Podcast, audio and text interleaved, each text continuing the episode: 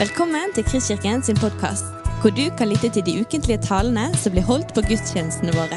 Vi håper denne podkasten vil inspirere og utfordre deg til å kjenne Gud, elske mennesker og tjene vår verden.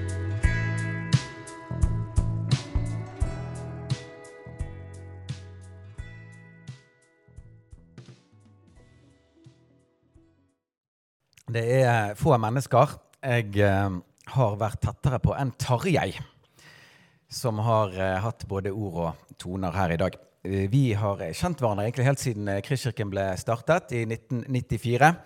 Har siden fulgt hverandre gjennom eh, ungdoms- og studie- og voksenår. Tarjei han eh, er jo en utsøkt mann. Så han har denne fantastiske kombinasjonen av et eh, varmt hjerte og en klar hjerne.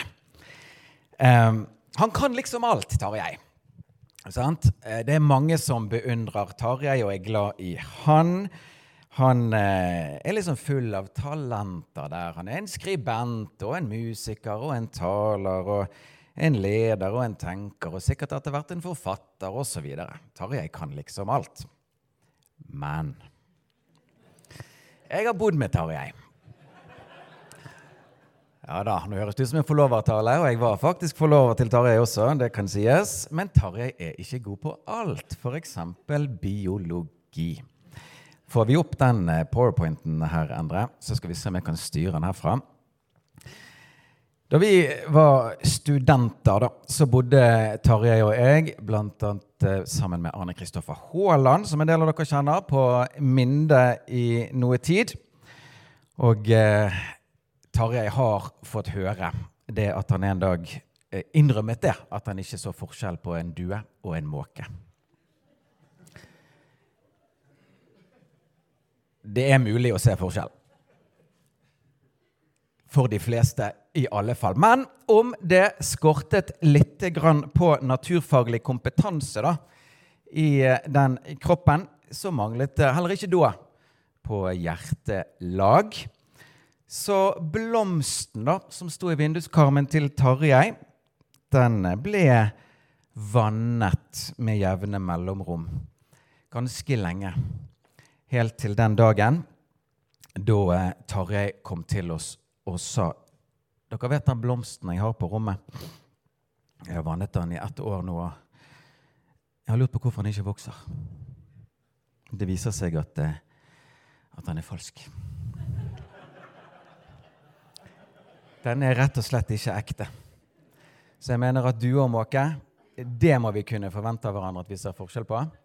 Men Tarjei skal ha den at noen ganger så er ikke det så lett å se hva som er hva. Hva som er falskt, hva som er ekte, hva som er dødt, og hva som er levende. Og i dag så skal vi la Guds ord få tale til oss om akkurat dette. Og så skal vi få se nærmere på hva det har med våre liv å gjøre. Ukens tekst den er fra Markus 11, 12-33. Gir dere eh, 15 sekunder til å finne fram der, de som vil.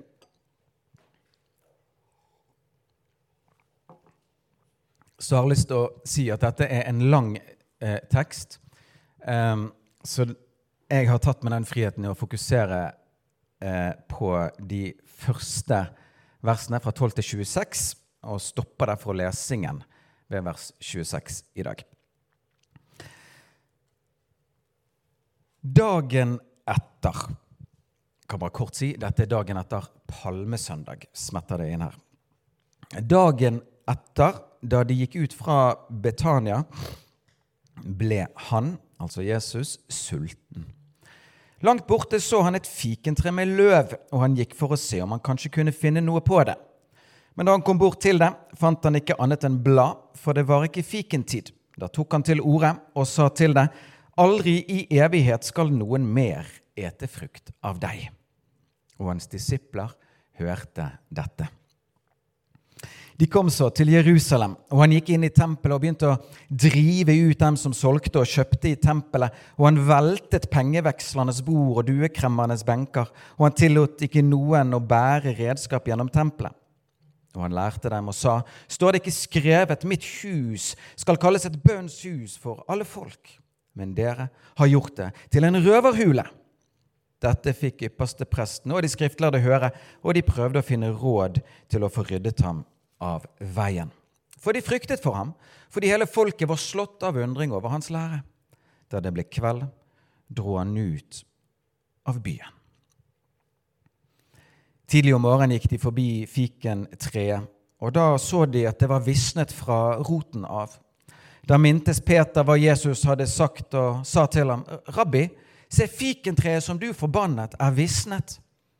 Jesus svarte og sa til dem, 'Ha tro til Gud.'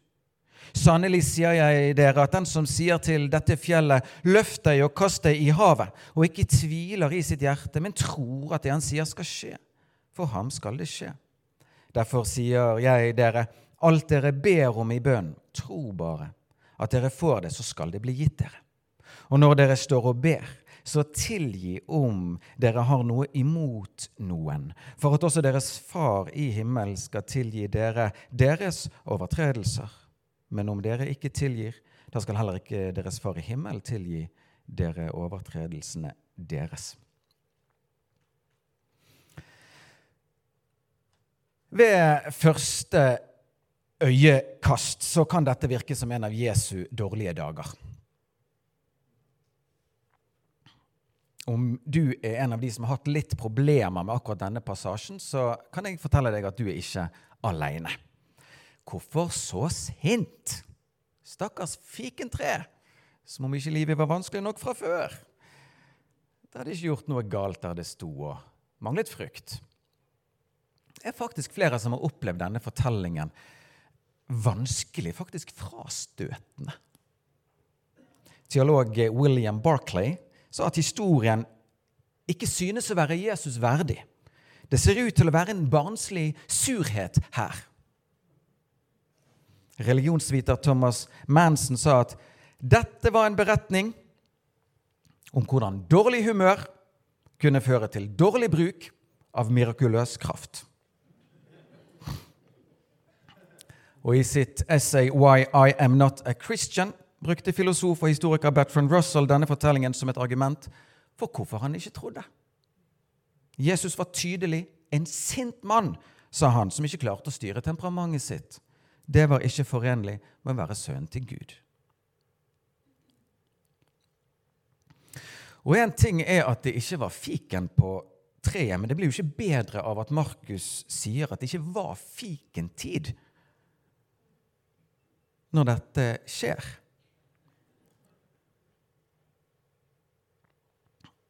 Og For å komplisere det enda litt mer Tidligere hadde Jesus sammenlignet seg med en hagearbeider som hadde veldig hjerte for sånne ufruktbare fikentrær, og som gjerne ville gi akkurat sånne en ny sjanse. Ett år til! hadde han spurt sjefen sin om. Du kan lese om dette i Lukas 13. Så hva har vi egentlig her?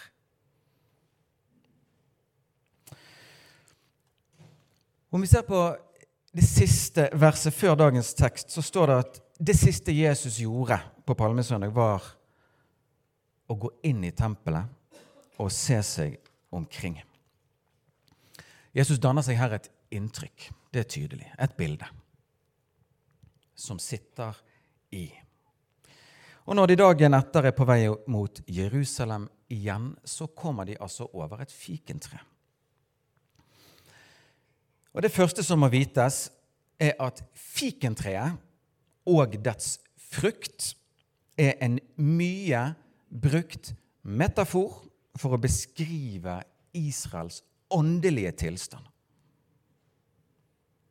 Det florerer av sånne fikenutsagn i Gamle testamentet. For eksempel Jeremia 8,13 der Gud sier det er ingen fikener på fikentreet. Jeg vil overgi dem, altså Israel, til folk som kommer mot dem. Og For det andre så tror jeg vi trenger å vite litt mer om sesonger og sykluser for fikentrær. Jeg har prøvd å sette meg litt inn i akkurat det. og mange er de som avgir forklaringer på hvordan eh, fikentrær blomstrer og bærer frukt. Men fikentreverdenen er stor, og variasjonene er mange. Og vi vet jo ikke eksakt akkurat hva type fikentre Jesus sto overfor. Noen fikentrær har en sånn kontinuerlig produksjonssyklus, fortelles det, slik at det alltid vil være fiken å finne. Men når Markus skriver at Jesus ikke fant noe på det, og at det heller ikke var fikentid, så er det overveiende sannsynlig at treet tilhører fikentrær som produserer liksom prefikener. Små fikenknopper, om du vil, før bladene kommer. Disse er ikke fullmodne fiken som man høster. Det kommer siden, i det som kalles fikentiden. Men disse knoppene kan like fullt spises. Og de vitner om at dette treet bærer frukt. Dette treet hadde altså masse blader, men ingen sånne knopper. Masse staffasje, men ingen frukt. På avstand så det levende, lovende, givende ut. Men for frukttre å regne var det i praksis dødt. Og uten å være sint, for det står ikke noe om at Jesus var sint på dette treet, så ser han det, ser sannheten om det og sier det som sant er. Aldri i evighet skal noen mer ete frukt av deg.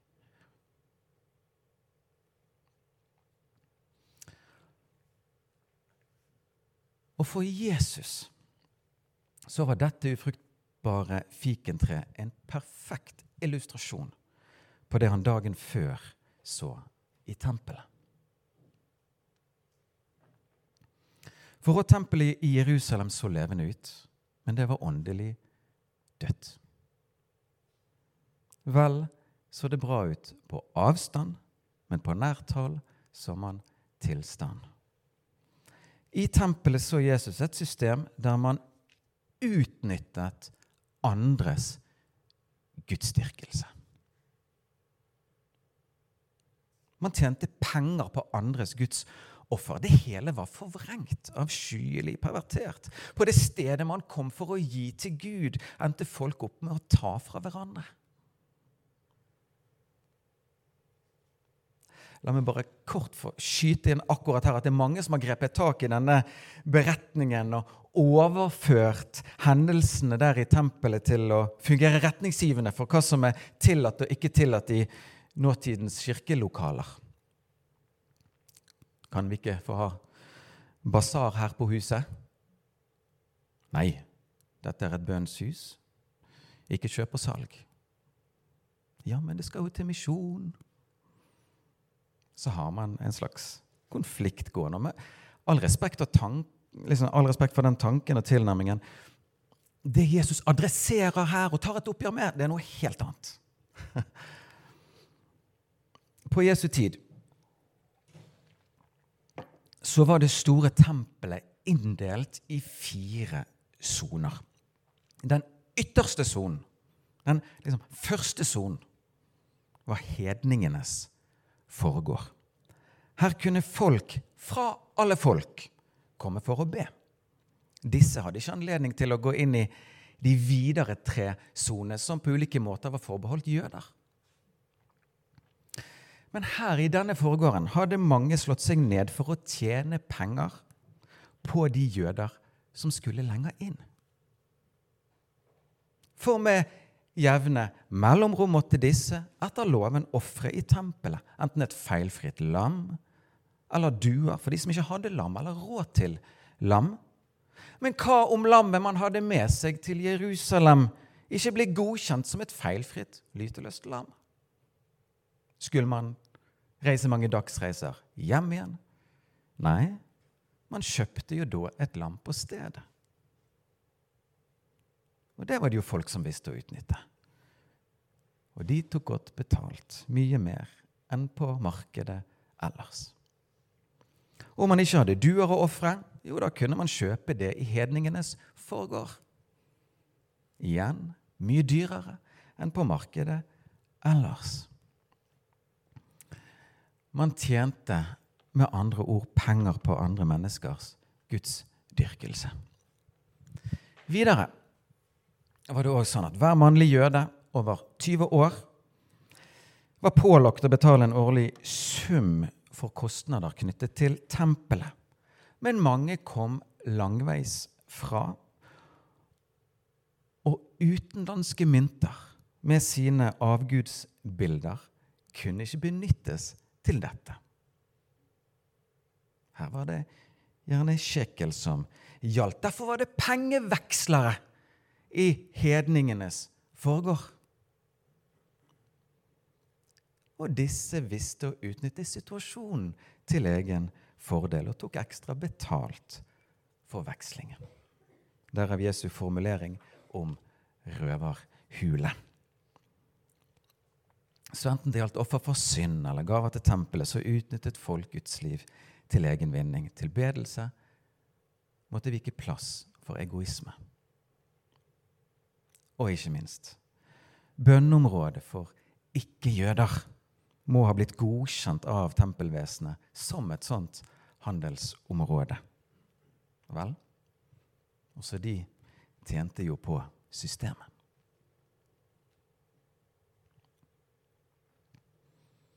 Men Jesus var rasende. For Gud var, er, ikke bare jøders Gud, men alle folks Gud. Derfor også Jesu understreking midt i virvaret der. Står det ikke skrevet 'Mitt hus skal være et bønnshus for alle folk'?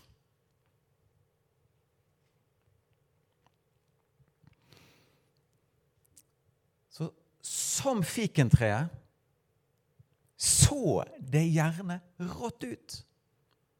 Men det var råttent. Det så levende ut, men det var åndelig dødt. Så visste Jesus at i tillegg til at systemet var ufruktbart, så var det døende. Bare noen dager seinere skulle forhenget i tempelet der inne revne. Og noen tiår senere skulle tempelet jevnes med jorden. Aldri i evighet skal noen mer etter frukt av deg.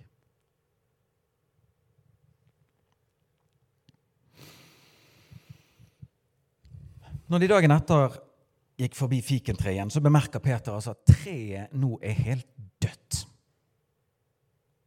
Hele rotsystemet hadde dødd etter møtet med Jesus.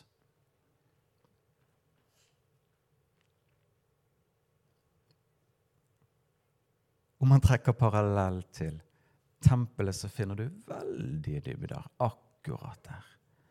Rotsystemet hadde dødd i møte med Jesus. Men så skjer det noe veldig interessant. For det, i det Peter sier disse tingene her, så skjer det et sporskifte i denne beretningen her. Fram til nå i denne passasjen så har disiplene vært observatører.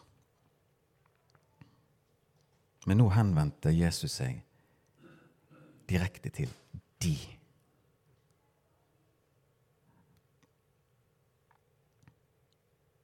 Og hans umiddelbare tilsvar på Peters ord om dette treet Han prøvde jo å innlede en samtale om treet. Det vitner om en sammenheng mellom dette treet og det Jesus nå kommer til å si.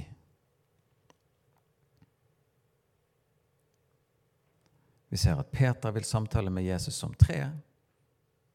Jesus vil heller samtale med Peter om tro. Om troen. Ha tro til Gud.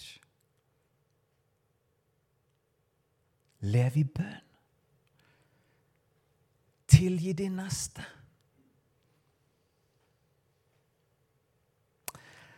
Og dere får prøve dette. Men jeg undres om vi ikke akkurat her får være vitne til en overlevering av nøkler for hvordan vi kan bli et åndsfylt gudshus og et fruktbart tre.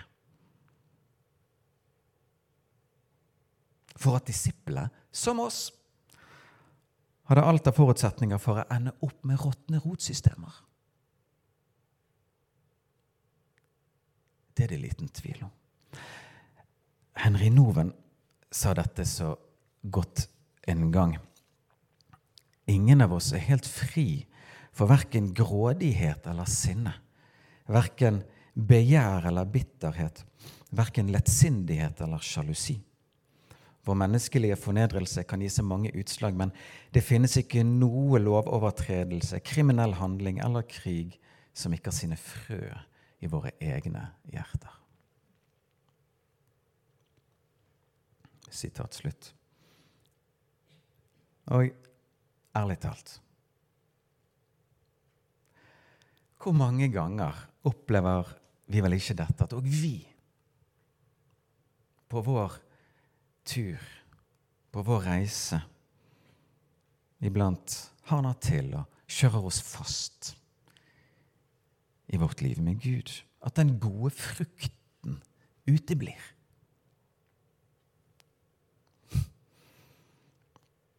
Hvor lett har vi vel ikke for å ta ut avstand for å skjule vår tilstand?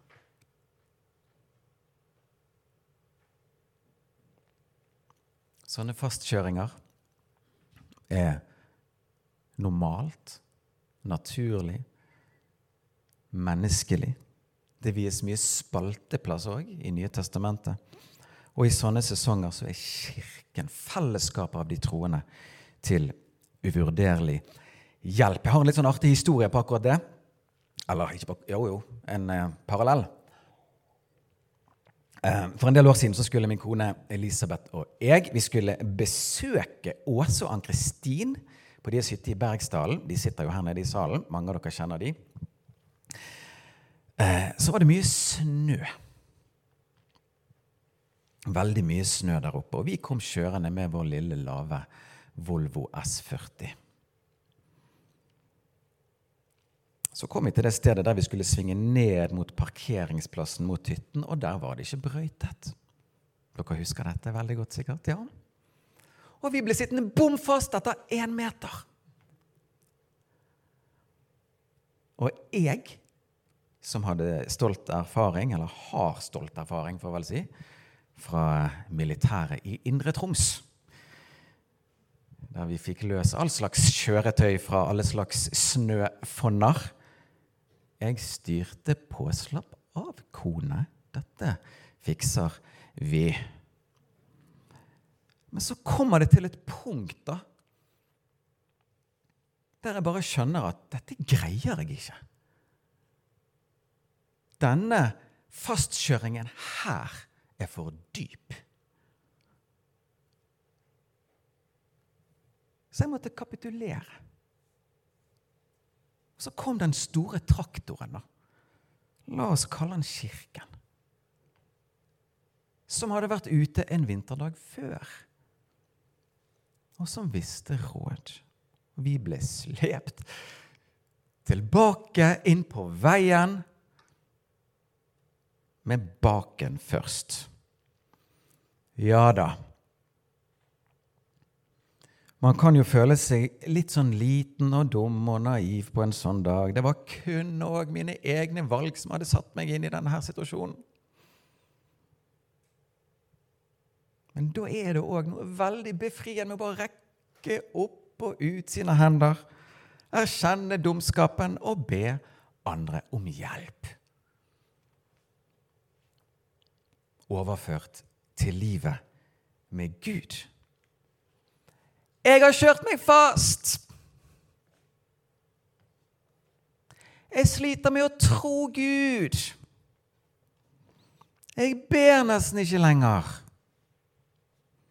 Jeg verken vil eller klarer å tilgi. Jeg har en til over her. Hjelp!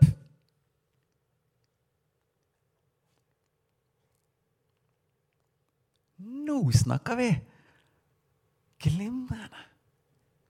For den type sannhet er jo òg en motgift mot det døde rotsystemet i det treet og på tempelplassen. For grunnproblemet er jo at det er ikke samsvar mellom det som synes, og det som er det skjulte. Det er ikke samsvar mellom det ytre og det indre. Avstanden skjuler tilstanden. Og med en sånn tilnærming til livet med Gud, da snakker vi, for der er det sannhet. Og da er vi på veien med sannhetens ånd.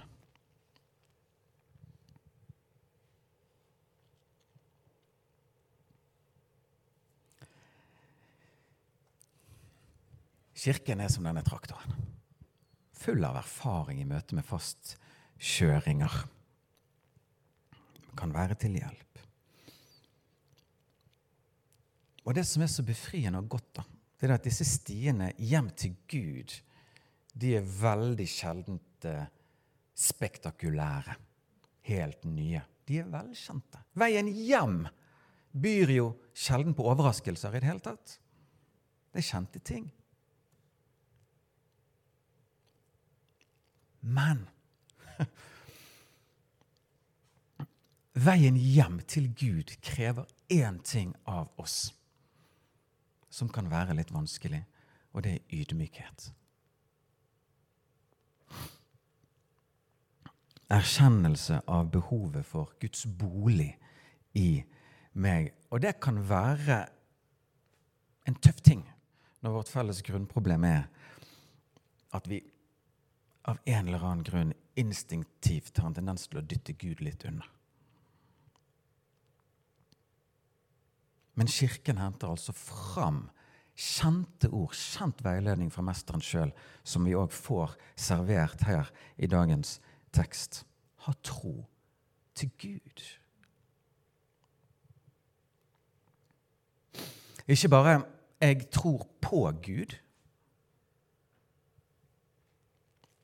At han finnes. Jakob skriver det at også de onde ånder tror det. At Gud finnes. Han er der ute, der oppe et sted, beveger seg i ytterkanten av min tanke. Nei. Inkluder, inviter, relater. Lev med Gud. La han få bo i deg. Ikke i ytterkanten av tanken, men i dypet av hjertet. Der vil en sånn relasjon utvides utvikles, og det vokser fram tillit. Samvær, samliv, som leder inn i stadige samtaler. La oss kalle det bønn. Og så nær omgang som dette her, kjære venner, det er hovedveien til sann ydmykhet og et vern mot hardhet og død. Nylig erfarte jeg sjøl hvor konkret sånn samvær og samtale med Gud kan endre klimaet på innsiden. For bønn er ikke bare å spørre om ting. Bønn er nærkontakt med varme. Bønn er nærkontakt med ild. Og dermed så skjer det ofte en oppsmeltning, en oppmykning, i bønnen. På vei til barnehagen, og det skulle si, så pleier vi å takke Gud i bilen for familien, for eh, venner, for eh, kirken, barnehagen, byen. vi har en sånn fast remse der. Og for Norge. Og så pleier vi å avslutte helt på tampen der med å be om at alle vi kjenner i dag, skal få vokse i det å kjenne Gud, elske menneskene rundt seg og tjene sin verden. Men her om dagen så skjedde det noe jeg kommer til å huske. For jeg må innrømme at jeg er, de som, eh, er av de som iblant kan bli litt sånn tung og betenkt når jeg øyner deler av eh, trender og utvikling i nasjonen vår, uten å skulle gå for langt inn der nå. Men denne dagen så takket vi ekstra mye for Norge. For det gode landet vi får bo i. For sjefene, som vi kaller de, i landet.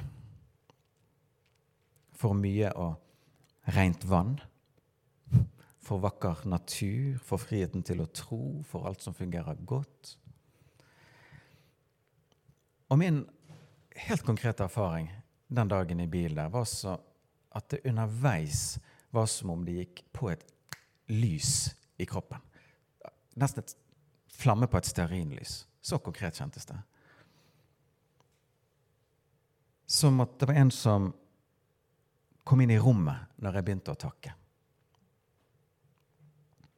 Og jeg kjente veldig konkret at jeg ble lysere gladere, varmere. Og jeg kjente at jeg begynte å be fra et annet sted inni meg. Jeg begynte å be ut ifra en kjærlighet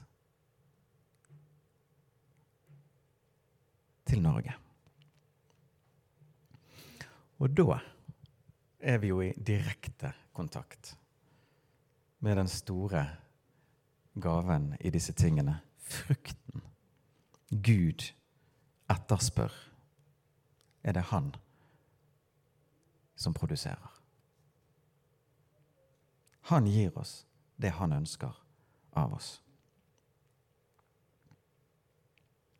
Jeg har tenkt litt på dette. Jeg er jo far til tre barn nå på to, fire, seks år. Toårsdag i dag, forresten.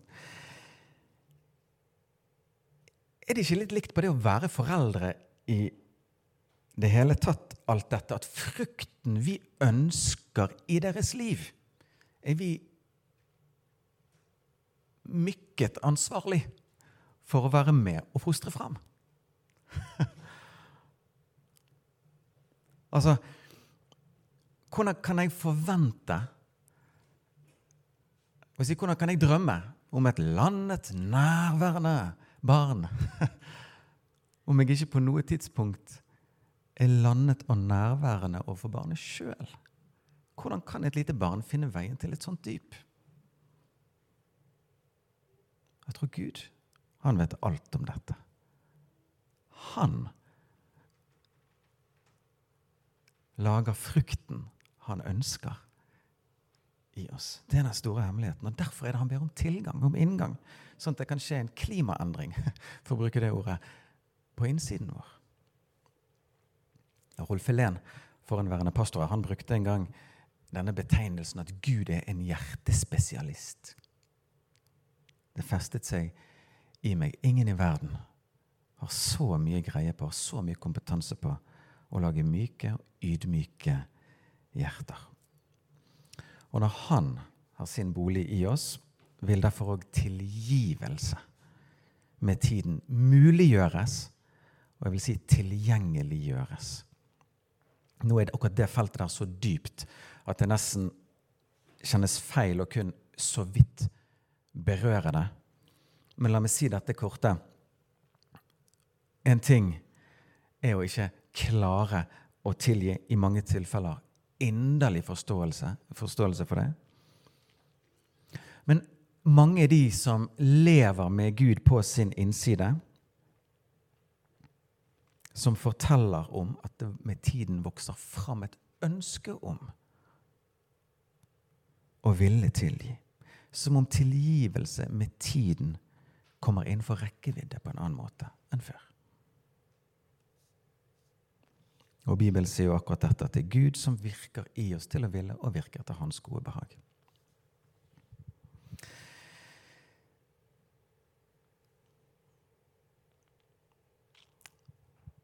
Så den tredje av de tre tingene der. Tro, bønn, tilgivelse. Også tilgivelsen løftes fram av Jesus som en nøkkel for et levende og fruktbart Guds liv. Og i dette kommer han oss til hjelp. Så kan det ta tid da, å venne seg til at vi alltid kan leve vendt mot Gud.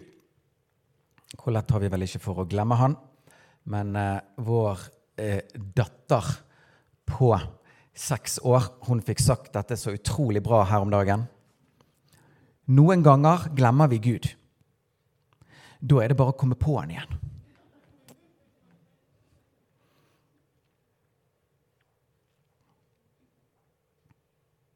Syns den var så fin. Går mot avslutning her nå, men jeg har bare lyst akkurat nå å si noe som um, jeg tror jeg aldri har sagt før egentlig, fra, sånn talers, fra talerstol i Kristkirken. I hvert fall, men bare smette inn et helt praktisk råd som er til hjelp for mange troende da, i forhold til en sånn påminnelse om Guds nærvær i hverdagslivet. Så er det at man kan ha noe fysisk, fysisk og konkret som Altså til påminnelse om Guds nærvær. Kanskje et tent lys i stuen. Et bestemt lys i stuen kan tennes og være, tjene som et tegn, en påminnelse på at han er her. Noen lar Bibelen alltid ligge åpen framme.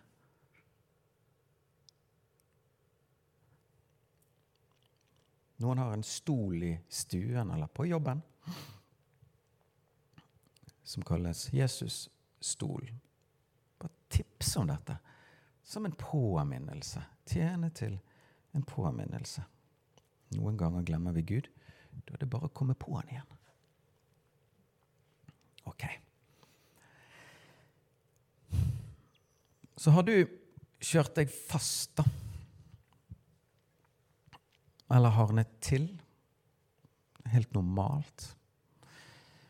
Vær bare åpen om din tilstand. Ikke ta ut avstand.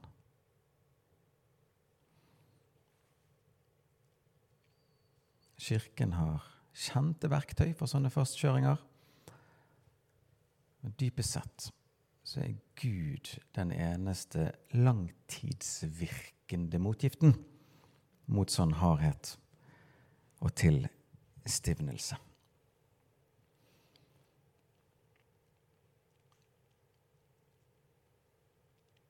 Da kan du bevege deg opp, André, i det jeg avrunder her. Um,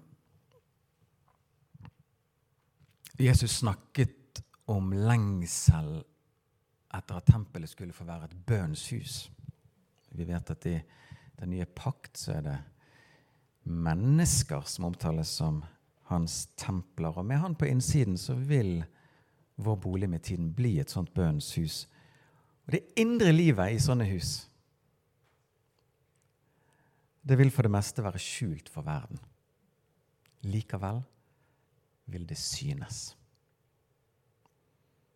Og ved Guds nåde og til Guds ære så vil det da være samsvar mellom det skjulte og det synlige.